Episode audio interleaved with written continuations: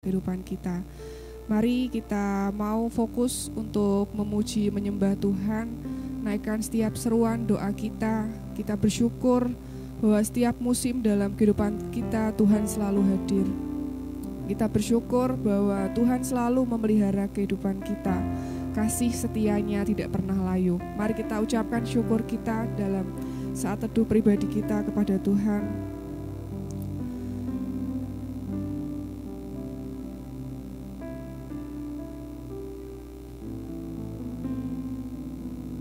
Terpujilah Tuhan karena ia telah mendengar suara permohonanku. Tuhan adalah kekuatan dan perisaiku. Kepadanya hatiku percaya. Aku tertolong sebab itu beria-ria hatiku dan dengan nyanyianku aku bersyukur kepadanya. Tak terbatas kasihmu Tuhan di dalam kehidupan kita. Mari kita pujikan tak terbatas. terbatas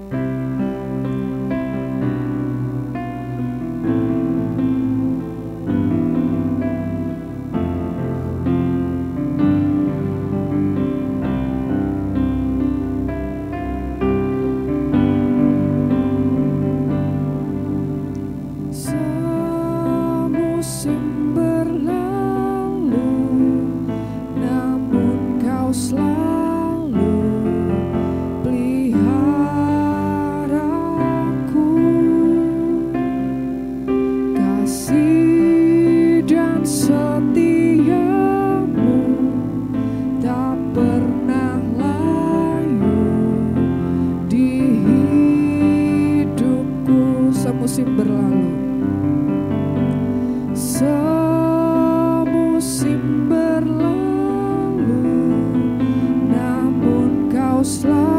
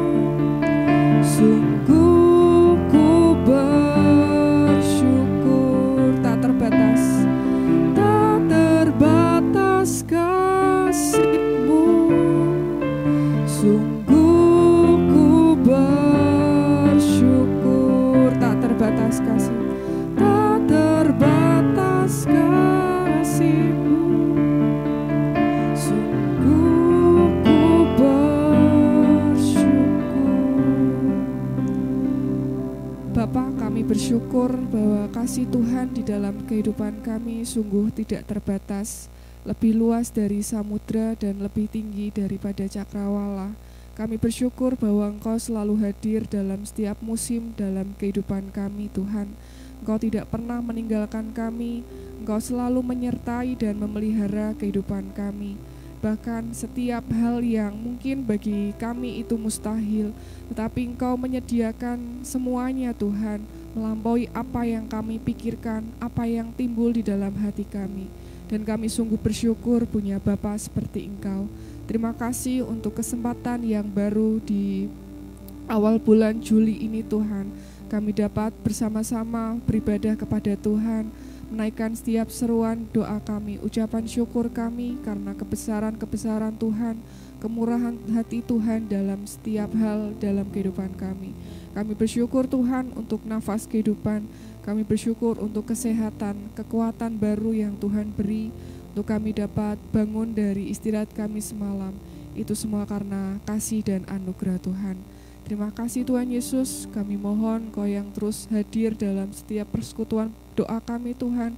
Kami percaya bahwa Engkau Allah yang mendengar, Engkau Allah yang menyendengkan telingamu Tuhan, bahkan Kau yang menjadi jawaban atas setiap doa-doa yang kami naikkan. Mari Bapak Ibu Saudari kita berdoa untuk bangsa dan negara Indonesia. Kita berdoa untuk para pemimpin bangsa, untuk presiden dan juga wakil presiden serta jajaran menteri sampai dengan para pemimpin yang terdekat dengan kita, Bapak RT RW, kita berdoa buat mereka. Mari kita berdoa juga untuk pemilu tahun 2024 yang akan diadakan secara serentak untuk pemilihan para wakil rakyat yang akan memimpin di lembaga legislatif maupun lembaga eksekutif kita berdoa supaya semuanya dapat berjalan dengan baik dan kita mendapatkan pemimpin baru yang sungguh-sungguh mencintai Tuhan, mengasihi Tuhan dan juga uh, mengasihi setiap rakyat Indonesia. Mari kita berdoa kepada Tuhan. Dalam surga kami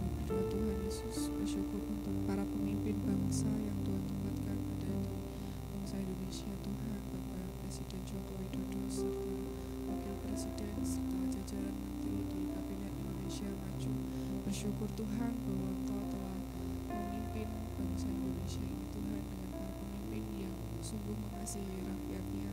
Berkati Tuhan dari pemerintah pusat Tuhan sampai dengan pemerintah yang terdekat dengan kami Bapak RT RW Tuhan Kau yang terus memberi manfaat yang daripada Tuhan supaya mereka sungguh-sungguh dapat menjalani setiap visi misi bagi pembangunan bangsa Indonesia yang lebih baik lagi untuk kemajuan bangsa Indonesia yang lebih baik lagi Tuhan kami juga bagi setiap penyelenggaraan yang akan dilaksanakan besok setiap para lembaga-lembaga yang dapat mempersiapkan semua itu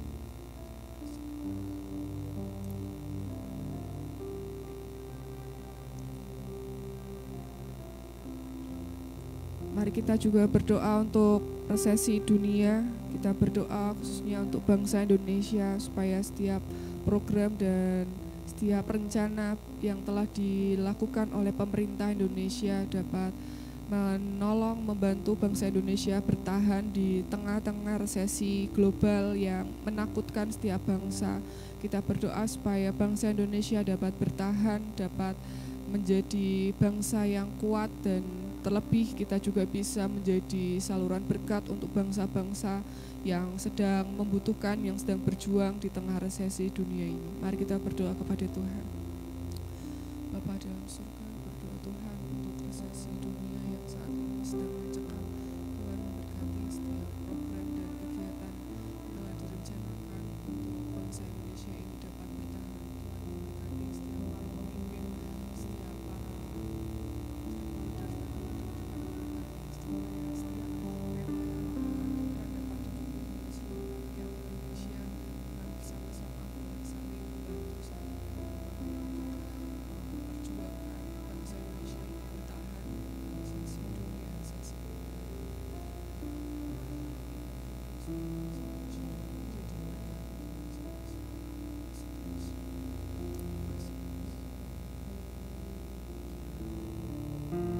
Mari kita juga berdoa untuk kegiatan pelayanan hari ini untuk Komsel PKMB yang dilakukan uh, mulai pukul 5 sore. Kita juga berdoa juga untuk para ketua Komsel PKMB serta anggota sel dapat bersama-sama bertumbuh semakin dewasa di dalam Tuhan. Dan kita juga berdoa untuk latihan paduan suara supaya setiap persiapan dapat dilakukan dengan baik sehingga besok uh, dalam kebaktian dapat memberikan pujian yang terbaik untuk Tuhan. Mari kita berdoa kepada Tuhan. Pada surga berdoa Tuhan untuk kegiatan komsel PKIB yang dilakukan jam 5 sore yang akan memberkati setiap para ketua sel dapat mempersiapkan semuanya dengan baik Tuhan untuk pengajaran dan juga firman Tuhan yang akan disampaikan sama-sama untuk di dalam Tuhan semakin dewasa dan dapat dimuridkan sama-sama untuk semakin mengasihi Tuhan dan mereka menjadi pemuda yang terus dibentuk dalam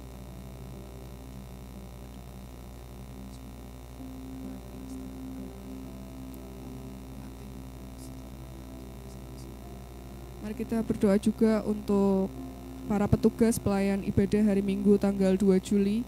Kita berdoa untuk para pengkhotbah, pemimpin ibadah, singer, LCD, soundman, musik, dan setiap penyambut jemaat. Kita berdoa juga supaya setiap kebaktian kita dapat membawa jemaat Tuhan untuk semakin dekat kepada Tuhan, mengasihi Tuhan dan berpengalaman dengan Tuhan lebih lagi.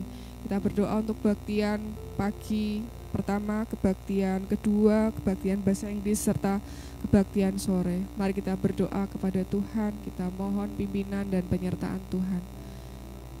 Dalam surga, berdoa Tuhan Yesus untuk kebaktian pagi yang akan dilaksanakan pada besok Minggu tanggal 2 Juli juga untuk kebaktian bahasa Inggris dan kebaktian sore para pengkhotbah yang akan menyampaikan firman Tuhan adalah setiap firman benih firman Tuhan yang akan disampaikan Tuhan dan tersampaikan dengan jelas dan setiap jemaat Tuhan yang bersama-sama bertumbuh semakin mengasihi Tuhan dan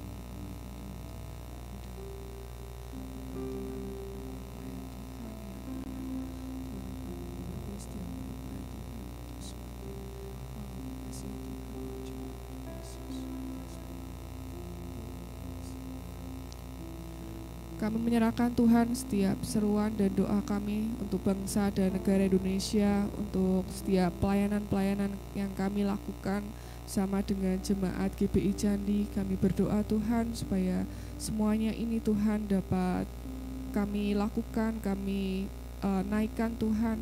Oh, pujian penyembahan kami yang terbaik, bahkan hidup kami, kami serahkan semuanya ke dalam tangan kuasa Tuhan.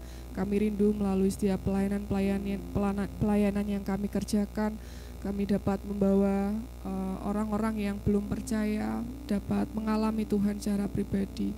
Dan kami juga berdoa untuk keluarga dari hambamu, uh, Gembala Sidang, GBI Candi, Pendeta Eko Kurniadi, MTH, Engkau yang terus urapi hambamu ini Tuhan dengan roh hikmat bijaksana yang daripada Tuhan Kau yang menolong gembala sidang GBI Candi yaitu pendeta Eko Kurniadi dapat bawa jemaat Tuhan, bawa kawanan domba Allah untuk semakin mengenal Tuhan, semakin berpengalaman dengan setiap firman dan menjadi jemaat yang dewasa dalam iman dan juga sesuai dapat menjalankan setiap visi dan misi yang Tuhan taruh dalam gereja Baptis Indonesia Candi.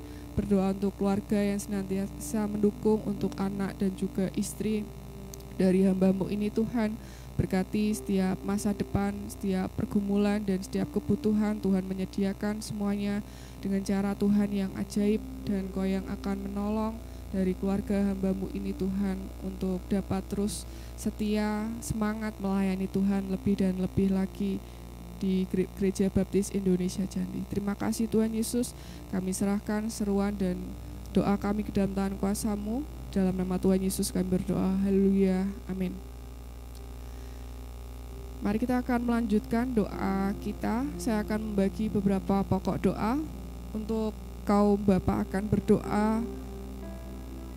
program dan anggaran GPI Candi sebesar 61 juta per bulan serta kekurangan dana genset sebesar 25 juta 823 500 rupiah Tuhan akan menolong menyediakan setiap kebutuhan kita serta berdoa untuk jiwa-jiwa baru supaya dapat percaya kepada Tuhan melalui pelayanan yang kita kerjakan.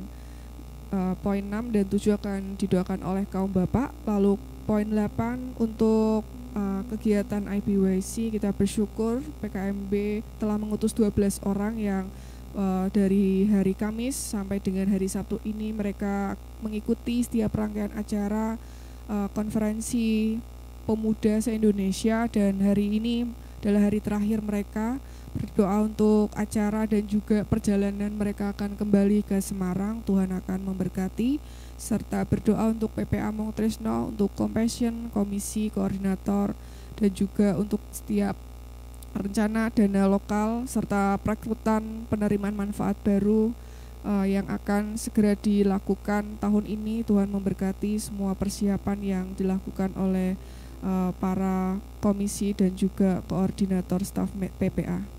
Poin 8, 9 akan didoakan oleh kaum ibu. Lalu poin 10 akan didoakan oleh kaum muda yaitu untuk PAUD TK SD Kristen Immanuel untuk penerimaan murid baru serta kepala sekolah, pengurus yayasan, para guru dan serta rencana untuk pembuatan playground. Itu akan didoakan oleh kaum muda kita bersyukur bahwa kita mempunyai Bapa yang setia, Bapa yang sungguh-sungguh mengasihi kita. Dia Allah yang tidak pernah meninggalkan kita dan biarlah hati kita terus menyembah dan bersyukur kepadanya. Kita akan pujikan seperti Bapa sayang anaknya. sungguh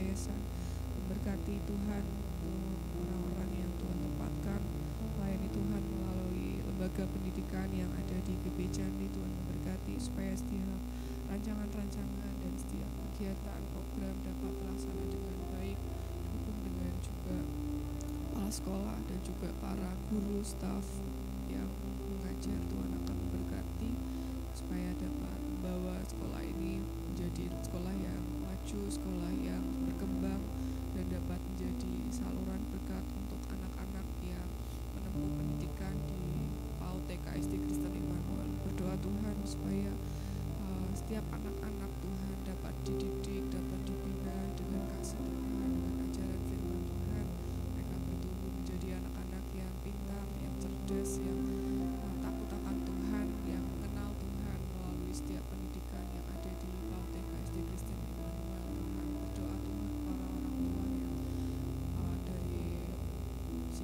siswa-siswa di PAUD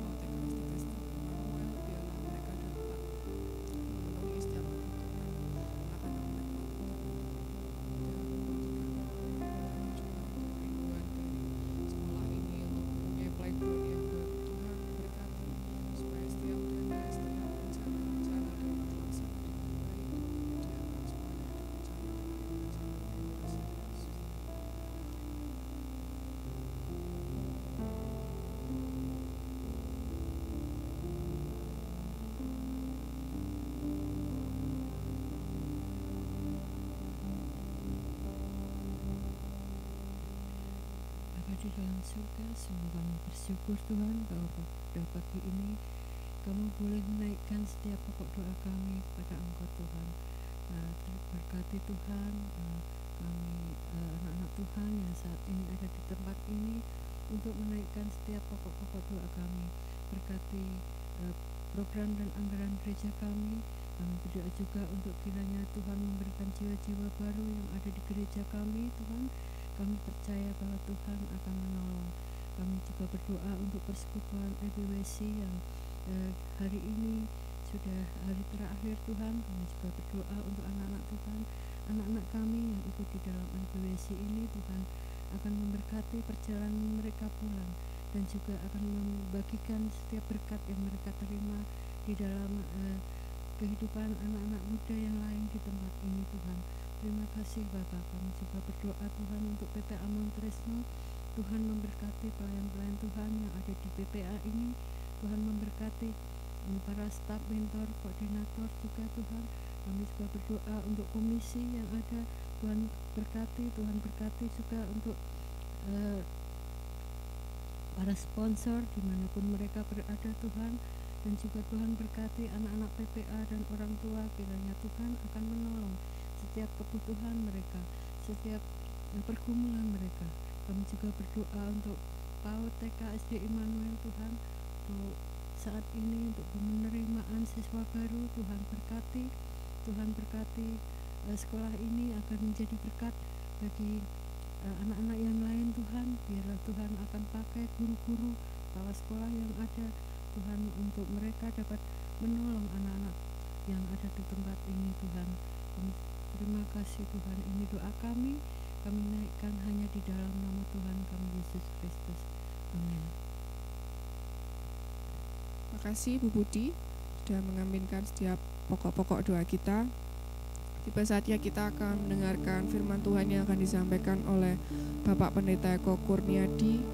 Bulan Juli ini kita kembali diingatkan untuk terus menjadi keluarga yang semakin mengasihi dan melayani Tuhan sesuai dengan tema gereja kita bulan Juli. Biarlah setiap keluarga-keluarga kita kita bersama-sama untuk melayani, mengasihi Tuhan lebih lagi karena dialah yang menjadi kepala dalam keluarga kita. Mari kita akan pujikan bersama keluargaku. bagi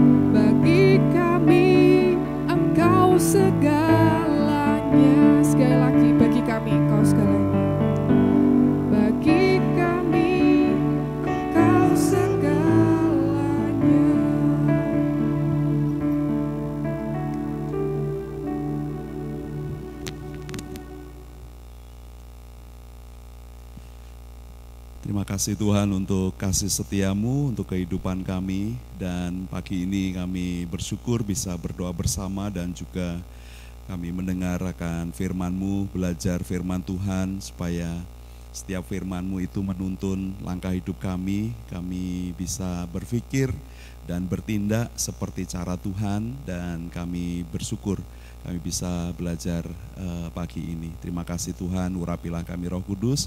Di dalam nama Tuhan Yesus kami berdoa. Amin. Silahkan duduk saudara-saudara.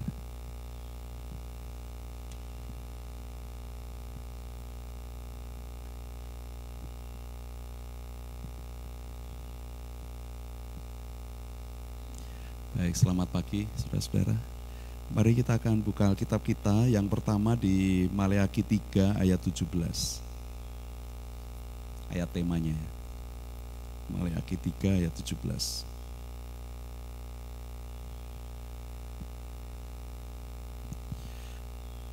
Mari kita baca sama-sama di Maleakhi 3 ayat 17. Mari satu, dua, tiga. Mereka akan menjadi milik kesayanganku sendiri firman Tuhan semesta alam pada hari yang kusiapkan. Aku akan mengasihani mereka sama seperti seorang menyayangi anaknya yang melayani dia. Kemudian kita buka di dua raja-raja, dua raja-raja pasal yang keempat.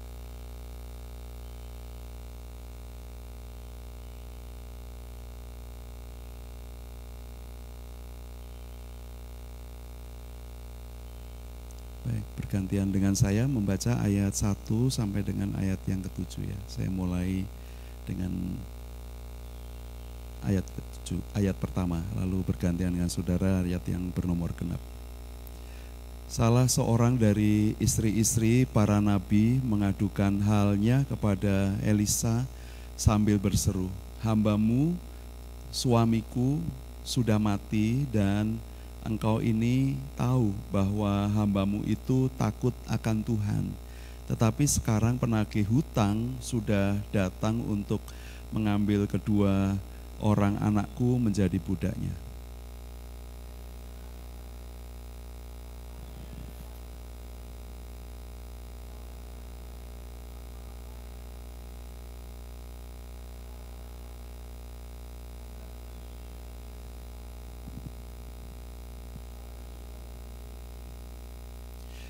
Lalu berkatalah Elisa, pergilah, mintalah bejana-bejana dari luar, daripada segala tetanggamu, bejana-bejana kosong, tetapi jangan terlalu sedikit.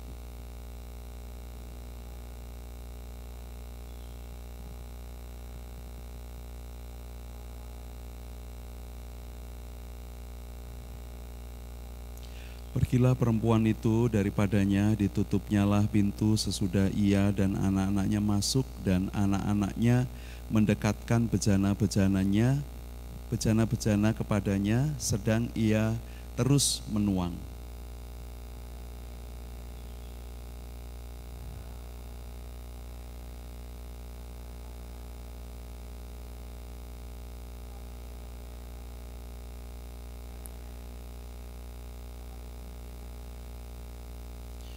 Kemudian pergilah perempuan itu memberitahukannya kepada abdi Allah dan orang ini berkata, "Pergilah, jualah minyak itu, bayarlah hutangmu dan hiduplah dari dari lebihnya engkau serta anak-anakmu."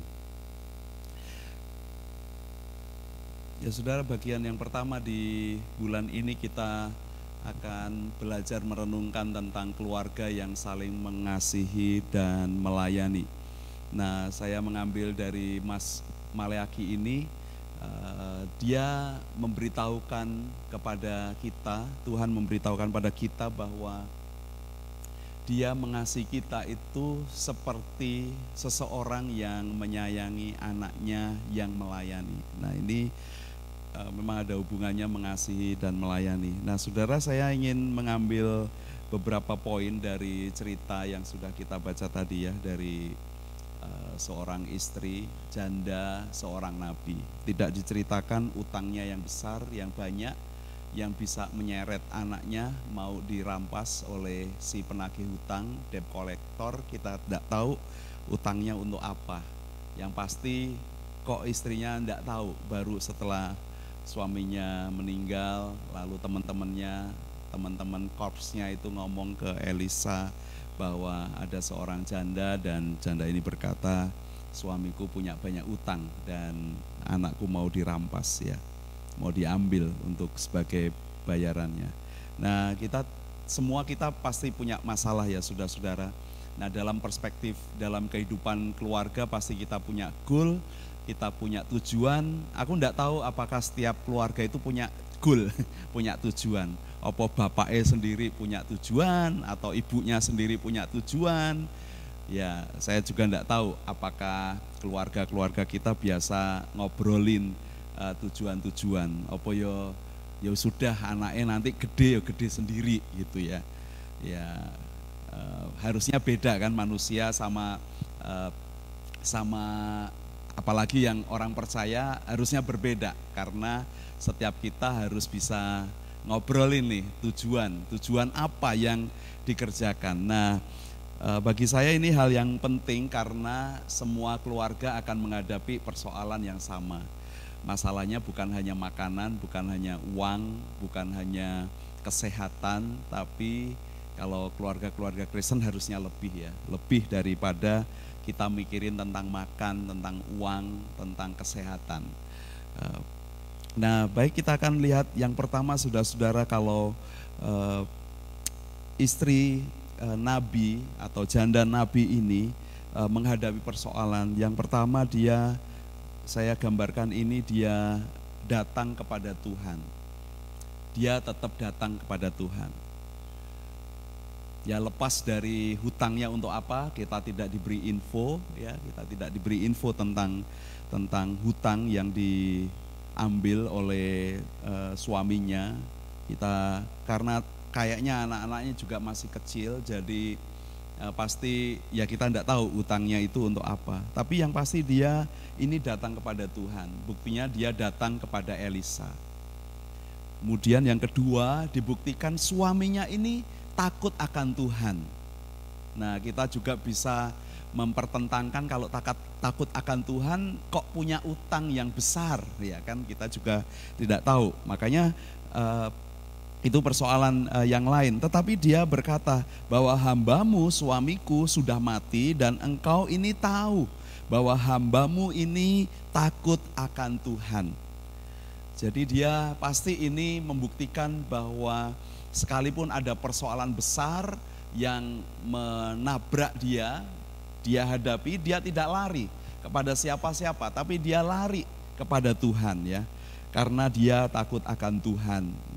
Dan kemudian dibuktikan dengan nanti terhubung dengan perkataan dari Elisa, dia Eh, berkata kepada perempuan ini, kepada janda ini di ayat yang ketiga bagian akhir mengumpulkan bejana-bejana tetapi jangan terlalu sedikit. Nah, ini saya menggambarkannya adalah iman ya. Iman itu e, tindakan yang tidak pas-pasan, tetapi iman itu adalah pekerjaan yang lebih yang harusnya dikerjakan dengan lebih tidak dengan pas-pasan, tapi mengerjakannya dengan lebih.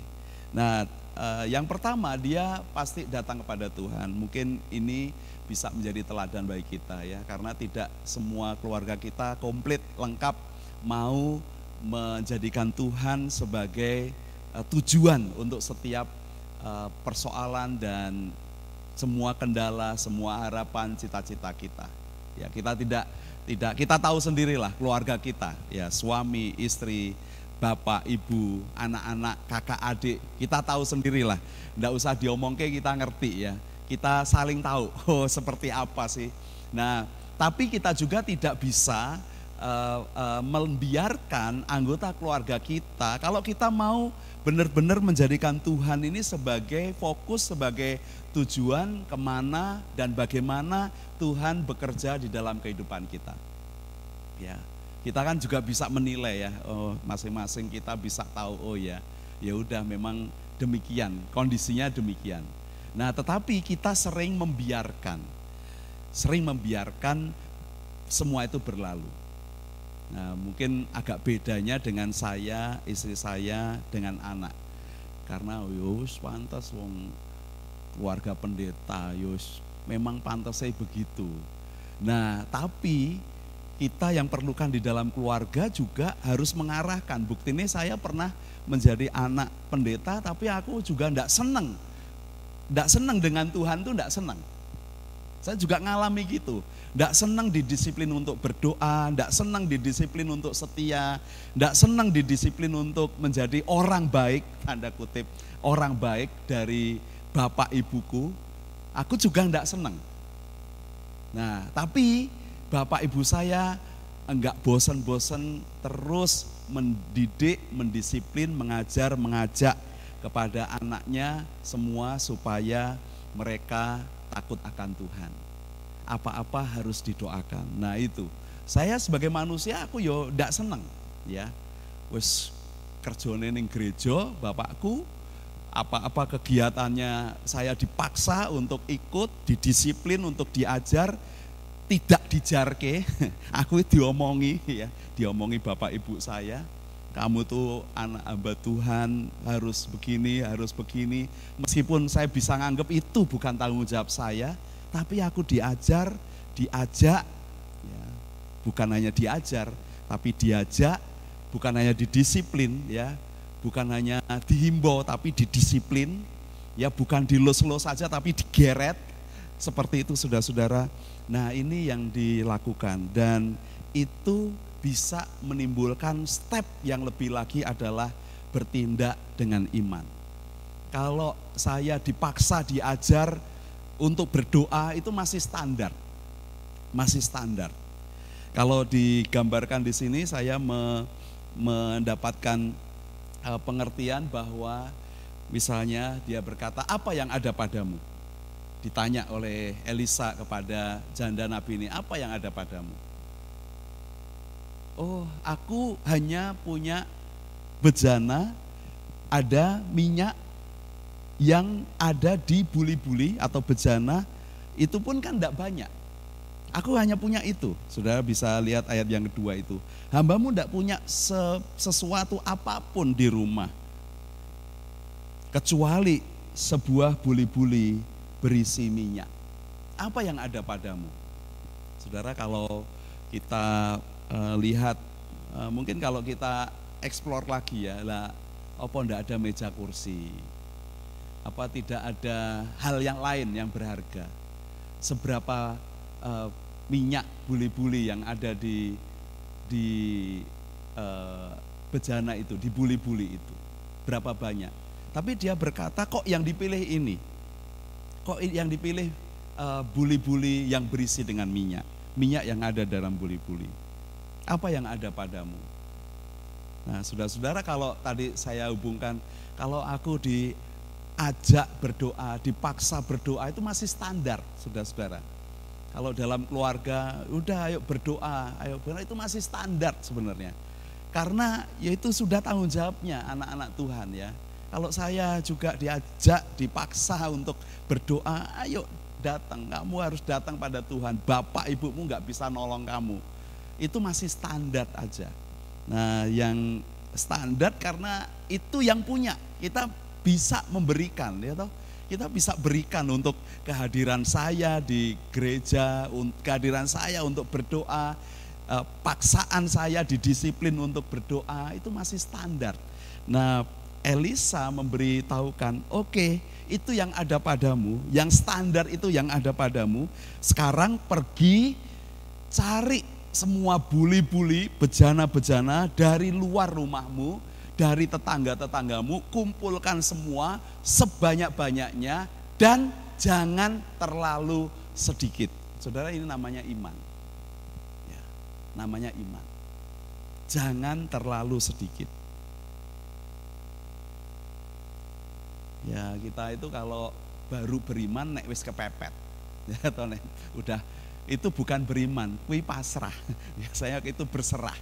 Karena kita tidak bekerja dengan iman. Karena sering kita berupaya hanya standar. Wes aku iso ini. Apa punyamu? Buli-buli berisi minyak. Itu standar. Itu biasa. Itu hal yang biasa kita lakukan. Yo setia, iya setia, itu standar, masih biasa ya, belum luar biasa, itu standar. Nah, saudara-saudara, kita perlu iman yang uh, melampaui batas yang normal, melampaui batas standar, tuntutan. Itu kita perlu mengerjakan itu. Seperti uh, perkataan Elisa kepada janda Nabi, pergilah kumpulkan semua bejana, minta semua bejana-bejana dari tetanggamu, bejana-bejana yang kosong, tetapi jangan terlalu sedikit. Lah mau beriman, Pak? Wong menui standar aja ndak bisa, ya. Toh gimana kita bisa melampaui itu? Gimana bisa kerjasama? Wong wawuh berdamai, jangan berseteru dengan orang, jangan nyimpen kesalahan orang ya aja nggak bisa lah gimana mau punya iman. Ya toh itu nah, yang standar itu. Yang kemarin kita bilang uh, belajar menyim uh, apa namanya keluarkan yang terbaik dari perbendaran hatimu yang baik. Ya keluarkan yang terbaik dari perbendaran yang baik. Pohon yang baik akan mengeluarkan buah yang baik. Perbendaran hatinya hatinya juga baik apa yang kita punya lah untuk standar aja nggak bisa apalagi mau beriman. Saudara ini kita perlu belajar yang kedua. Yang ketiga, di dalam keluarga yang mengasihi dan melayani itu uh, diperlukan uh, setiap orang di dalam anggota keluarga itu ya mengasihi, melayani. Nah, kita lihat ya. Kita lihat ini contoh yang baik sekali ya. Ini gambaran yang menurut saya sempurna untuk uh, keluarga yang saling mengasihi dan melayani. Perempuan ini pulang dia pulang, dia beritahukan pada anak-anaknya, ya, ya dia minta anak-anaknya untuk cari semua bejana, betul ya. Dan ayat yang ke-6 itu disebutkan bahwa, oh ini ayat yang kelima, dia pulang, kemudian ini menyuruh anak-anaknya, menyuruh anak-anaknya dari ayat yang keempat itu ya, kemudian masuklah tutuplah pintu, ini perintahnya uh, Elisa, engkau dan anak-anakmu masuk lalu tuanglah minyak ke dalam segala bejana maka mana yang penuh angkatlah. Dan ayat yang kelima pergilah perempuan itu daripadanya ditutup nyalah pintu sesudah itu ia dan anak-anaknya masuk dan anak-anaknya mendekatkan bejana-bejana kepadanya sehingga eh, sedang ia terus menuang jadi anak-anaknya itu uh, mencari bejana dan ini pasti dia ketok pintu rumah tetangga, kumpulkan bejana, tanyain. Nah, tonggone itu apa ndak tanya ya? Gua boleh. Gua boleh. Ya, semua ini sampai rumahnya itu penuh dengan bejana.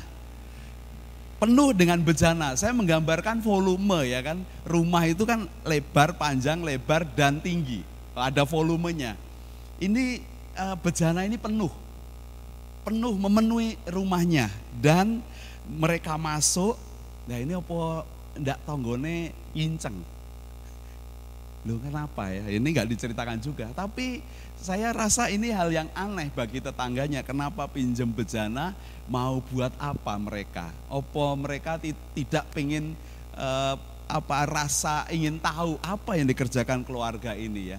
Tapi anak-anaknya saudara dikatakan di sini dan ibu ini, janda ini menuangkan minyak dan anaknya terus mendekatkan uh, bejana-bejana yang kosong kepada dia dan dia terus menuang uh, minyak itu. Nah, saudara-saudara iman itu pasti dilanjutkan dengan ya tindakan kerjasama seperti ini ya. Anak-anak saling mengasihi saling melayani uh, gak ngomel lah gitu kan. Kalau kurang itu wah ngomel lah tapi ya ini uh, saling mengasihi dan saling melayani. Kita diberi contoh dan pasti ada mujizat saudara-saudara mujizat itu terjadi ya kita tidak bisa nguji Tuhan Eh, sekalipun kita tidak setia, ya Tuhan tetap memberkati. Dia tidak akan punya yang jelek untuk kita, ya toh. Meskipun kita tahu, iya kita ini standar-standar aja. Uh, orang Kristen ya biasa-biasa wae. Keluarga-keluarga kita ya biasa standar wae, ya. Itu Tuhan nggak Tuhan yang memberkati, yang setia, yang mencari wajah Tuhan diberkati. Loh yang jahat aja diberkati kok. Dia memberi hujan yang sama kepada orang benar dan orang yang jahat. Dia tidak bisa dicobai untuk memberi yang tidak baik, saudara-saudara. Dia tidak uh, memberi uh, uh, yang jahat dari isi hatinya. Saudara, saya rasa ini hal yang penting ya. Dalam kerjasama anak-anaknya mengumpulkan bejana-bejana dan ibunya terus dengan iman menuangkan minyaknya. Dan anak-anaknya juga tidak kekurangan iman karena dia mengumpulkan sampai bejana itu dipenuhi oleh minyak. Dan mereka berkata kepada ibunya ayat yang keenam tidak ada lagi bejana. Semua sudah penuh. Semua sudah penuh Udah tidak ada lagi yang didekatkan karena semua sudah sudah penuh rumahnya Pol. Ayat yang yang kelima, ayat yang keenam menyebutkan rumah itu penuh dengan bejana dan isi bejana pun sudah penuh dengan minyak. Dan setelah itu minyak itu berhenti untuk mengalir. Nah pasti diperlukan uh, kerjasama ya, karena kerjasama itu pondasinya itu ya saling mengasihi dan melayani. Nah, kalau secara rohani di dalam kehidupan kita ya eh, aku bisa kerja tapi tidak disertai dengan motivasi mengasihi. Aku bisa kerja, aku bisa membantu Anda, me, tapi itu tidak dilakukan seperti dilakukan untuk Tuhan, tidak melayani. Itu namanya melayani ya. Tidak perlu iman untuk mengerjakan hal-hal yang standar mungkin ya Ya kalau lapar makan, kan tidak perlu iman. Tapi waktu orang makan dan dia berbagi kepada orang lain, nah itu ada kasih, ada sikap melayani dan mau uh, uh, punya iman. Saya bisa menunda makanan saya untuk saya berikan kepada orang lain. Saya bisa menyisihkan makanan saya untuk saya bisa membantu orang lain. Nah itu tindakan iman namanya. Tapi kalau hanya makan karena saya lapar, saya makan itu masih standar, saudara-saudara. Ya, itu ya kayak begitu kehidupan kita dan kita sering lalai uh, untuk kita bisa saling mengasihi dan melayani di dalam kita uh, bekerja sama. Nah, keluarga ini saya rasa ini bisa menjadi contoh bagi kita untuk kita menjadi model gimana menghadapi persoalan-persoalan dalam kehidupan kita ya dan kita bisa lebih setia, lebih mengasihi, lebih melayani seorang terhadap yang lain karena uh, Tuhan yang bekerja di dalam dan melalui kehidupan kita. Kemudian ayat yang ketujuh sebagai yang terakhir, kemudian pergilah perempuan itu memberitahukannya kepada abdi Allah, pasti Elisa, dan orang ini berkata, pergilah jualah minyak itu, bayarlah hutangmu dan hiduplah dari lebihnya engkau serta anak-anakmu. Saya juga melihat ini hal namanya ada responsibility, bertanggung jawab. Kehidupan kita itu harus dipertanggungjawabkan, jelas. Itu pertama mesti kepada Tuhan. Tapi yang kedua responsibility-nya atau responsibilitasnya eh, tanggung jawabnya kepada sesama kita. Ya pasti itu. Nah ini yang baik yang baik, yang menarik untuk kita karena dia setelah penuh e, memenuhi semua bejana dengan minyak, dia tidak langsung e, e, menjualnya tapi info dulu tuh kepada Elisa. Dan Elisa berkata, "Pergilah, jualah minyak itu kemudian foya-foyalah dengan uangnya. Oh tidak ya, tapi katakan bayar utangmu. ya gitu kan. Punya utang terus kita dapat duit, lupa. Utangnya dilupakan dulu ya. Kita baru yang lain. Nah itu nah ini dia mengatur dengan uh, prioritas ya. Uh, tujuannya untuk apa? Dikerjakan dia bayar hutangmu dan lebihnya pakai untuk kehidupanmu engkau serta anak-anakmu. Nah saudara-saudara ini hal yang baik untuk kita bisa uh, hidup dalam keluarga yang saling mengasihi saling melayani ingat datang kepada Tuhan, eh, setia, punya iman, ya saudara-saudara, iman yang harusnya hidupnya jangan mengerjakan hal yang pas-pasan, ya, tapi melakukannya dengan punya iman dalam kehidupannya. Tapi juga pasti kalau ada persoalan ya perlu ada kerjasama, pasti perlu kerjasama. Dan yang keempat ada tanggung jawab. Tanggung jawabnya mesti kepada Tuhan, mesti kepada sesama dan tanggung jawab untuk diri kita sendiri. Amin. Mari kita berdoa.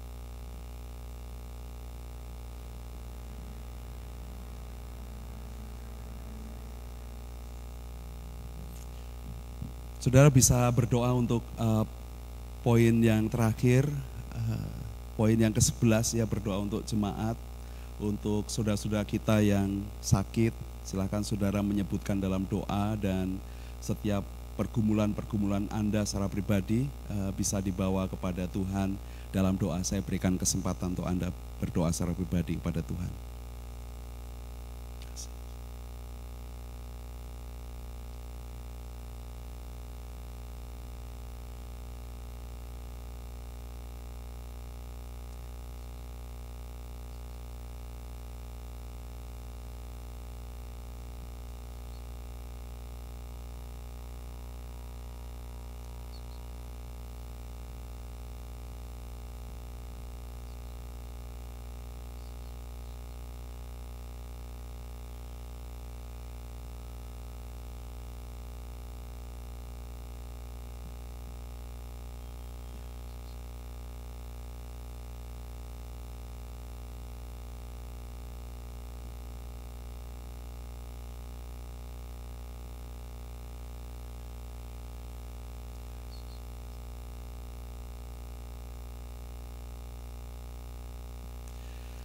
Bapa di dalam surga, hamba berdoa untuk saudara-saudara kami yang sakit, yang ada dalam proses kesembuhan, pemulihan, kesehatannya. Tuhan kami berdoa untuk Ibu uh, Lasiman, Ibu Ngasiem, Ibu uh, Sulasih, Ibu Gio, Ibu Lani, uh, Esther, uh, Gama, Hilda, Ibu Suparmi, Ibu Tasiman, Ibu Rusmin, Ibu Ani David, Pak Lasiman, Pak Kuniman, Tuhan berkatilah saudara-saudara kami ini supaya mereka dijamah disembuhkan oleh Tuhan dan kesehatannya dipulihkan, diberikan kekuatan, hatinya diberi dengan sukacita, punya iman. Eh, Tuhan memberikan kekuatan, kesehatan, bahkan sekalipun ada di dalam kelemahan tubuh, hati mereka tetap bernyala-nyala kepada Tuhan, mengasihi Tuhan, dan uh, sungguh Tuhan akan berkati supaya saudara-saudara kami ini bisa menjadi saksi dari kemurahan Tuhan dan juga bisa menyaksikan kebaikan kebaikan Tuhan kepada orang lain melalui kesembuhan dan pemulihan kesehatan mereka. Kami berdoa supaya juga para lansia kami diberkati oleh Tuhan dengan kesehatan mereka, hatinya dipenuhi dengan sukacita, dikelilingi oleh orang-orang yang mengasihi mereka, yang siap membantu, yang menunjukkan uh, kesetiaan dan uh, kerelaan untuk berkorban, untuk me mengasihi uh, saudara-saudara kami yang lansia ini. Mereka dikelilingi juga oleh anak menantu, cucu-cucu yang mengasihi mereka dan kami berdoa supaya para lansia kami diberkati dengan semangat yang bernyala-nyala terus bisa menikmati kebaikan Tuhan dan menjadi teladan di dalam iman kepada setiap kami dan khususnya para lansia di gereja kami ini Tuhan akan memberkati. Kami berdoa uh, juga untuk setiap jemaatmu dalam pekerjaan mereka, dalam studi, dalam kehidupan setiap anak-anakmu Tuhan, biarlah Tuhan uh, menjadi Allah bagi mereka, berpengalaman dengan mereka, menempa, mendidik, mendisiplin, dan memberkati setiap anak-anakmu. Semua yang dikerjakan oleh anak-anakmu diberkati, tangan-tangannya bekerja dengan keberhasilan, keterampilan, dan Tuhan memberi uh, rezeki, mencukupkan segala sesuatu yang dibutuhkan, baik secara material maupun secara uh, fisik, secara moral, secara mental, secara psikologi. Tuhan berkatilah supaya anak-anakmu bisa berpengalaman dengan Tuhan sepenuhnya dalam menjalani kehidupan dengan iman dan berharap kepada Tuhan. Engkau Allah yang memberi dan menjadi jawaban bagi setiap kami. Kami berdoa untuk para pemuda kami diberkati oleh Tuhan supaya mereka juga diberi pekerjaan yang sesuai, yang tepat, yang bisa menunjang bagi kemandirian kehidupan mereka, bisa menjadi berkat bagi banyak orang dan mencukupkan kebutuhan kehidupan mereka. Berkati supaya juga dalam memilih teman hidup, jodoh yang uh, uh, kami percaya bahwa Tuhan yang menyediakan, Tuhan yang memberkati, memberi uh, teman hidup yang seiman, yang sesuai dengan kehendak Tuhan, yang baik, dan juga diberkati oleh Tuhan supaya mereka bisa melanjutkan ke jenjang pernikahan, keluarga-keluarga yang dibentuk oleh Tuhan, keluarga-keluarga yang bisa melayani Tuhan dengan lebih baik di dalam kehidupan ini, bisa memuridkan uh, generasi uh, muda, generasi anak-anaknya di dalam jalan Tuhan dan pakai setiap keluarga-keluarga anakmu bisa menjadi tiang dan penerus bagi gereja ini, bagi gereja ini dalam melayani Tuhan, mengemban amanat agung Tuhan, kerajaanmu diperluas melalui kehidupan anak-anakmu. Terima kasih Tuhan, terima kasih kami eh, percaya bahwa Engkau Allah yang tidak pernah meninggalkan setiap anak-anakmu, terutama mereka yang mencari wajah Tuhan. Kami berdoa supaya setiap anak-anakmu berpengalaman dengan Tuhan di dalam segala perkara, semakin bertambah dewasa saat berjalan bersama dengan Tuhan, diberkati oleh Tuhan. Dan kami mohon Tuhan inilah menjadi kerinduan dan doa kami dalam kami bergumul bersama-sama di dalam kami eh, melayani dan mengasihi Tuhan. Dan kami berdoa juga supaya eh, setiap pelayanan-pelayanan kami eh, bersama keluarga kami keluarga kami dipenuhi dengan atmosfer kasih yang dari Tuhan. Kami bisa saling mengasihi, kami bisa saling mengampuni, kami bisa menjalankan peran kami dengan baik masing-masing sehingga sungguh keluarga-keluarga kami ditemukan keluarga-keluarga yang berbahagia, keluarga yang sekalipun harus melewati tetesan air mata, eh, lembah-lembah kekelaman, tetapi eh, mereka tetap bisa saling mengasihi, saling uh, membantu, saling melayani, mengerjakannya hanya untuk kemuliaan nama Tuhan. Terima kasih Bapak, kami percaya semua doa doa kami Engkau Allah yang mendengar dan menjawabnya sesuai dengan kedaulatan Tuhan, dengan kehendakmu dan itu terjadi atas kami dan semua itu adalah baik. Terima kasih. Kami mohon Engkau memberkati kami sepanjang hari ini, apa pun yang kami kerjakan. Tuhan, kami mohon Engkau untuk memberi perlindungan, memberkati kami, memberikan jalan keluar, memberikan rezeki, memberi kesehatan kepada kami, dan biarlah hari ini kami bisa memuliakan Tuhan dengan segala aktivitas yang kami kerjakan. Terima kasih Bapak, terima kasih. Inilah doa dan permohonan kami, dan saat kami pulang, damai sejahtera Tuhan atas kami menaungi dan memberkati kami di dalam nama Tuhan Yesus Kristus kami berdoa. Amin. Terima kasih saudara-saudara sudah berdoa bersama, sudah melayani. Tuhan Yesus memberkati.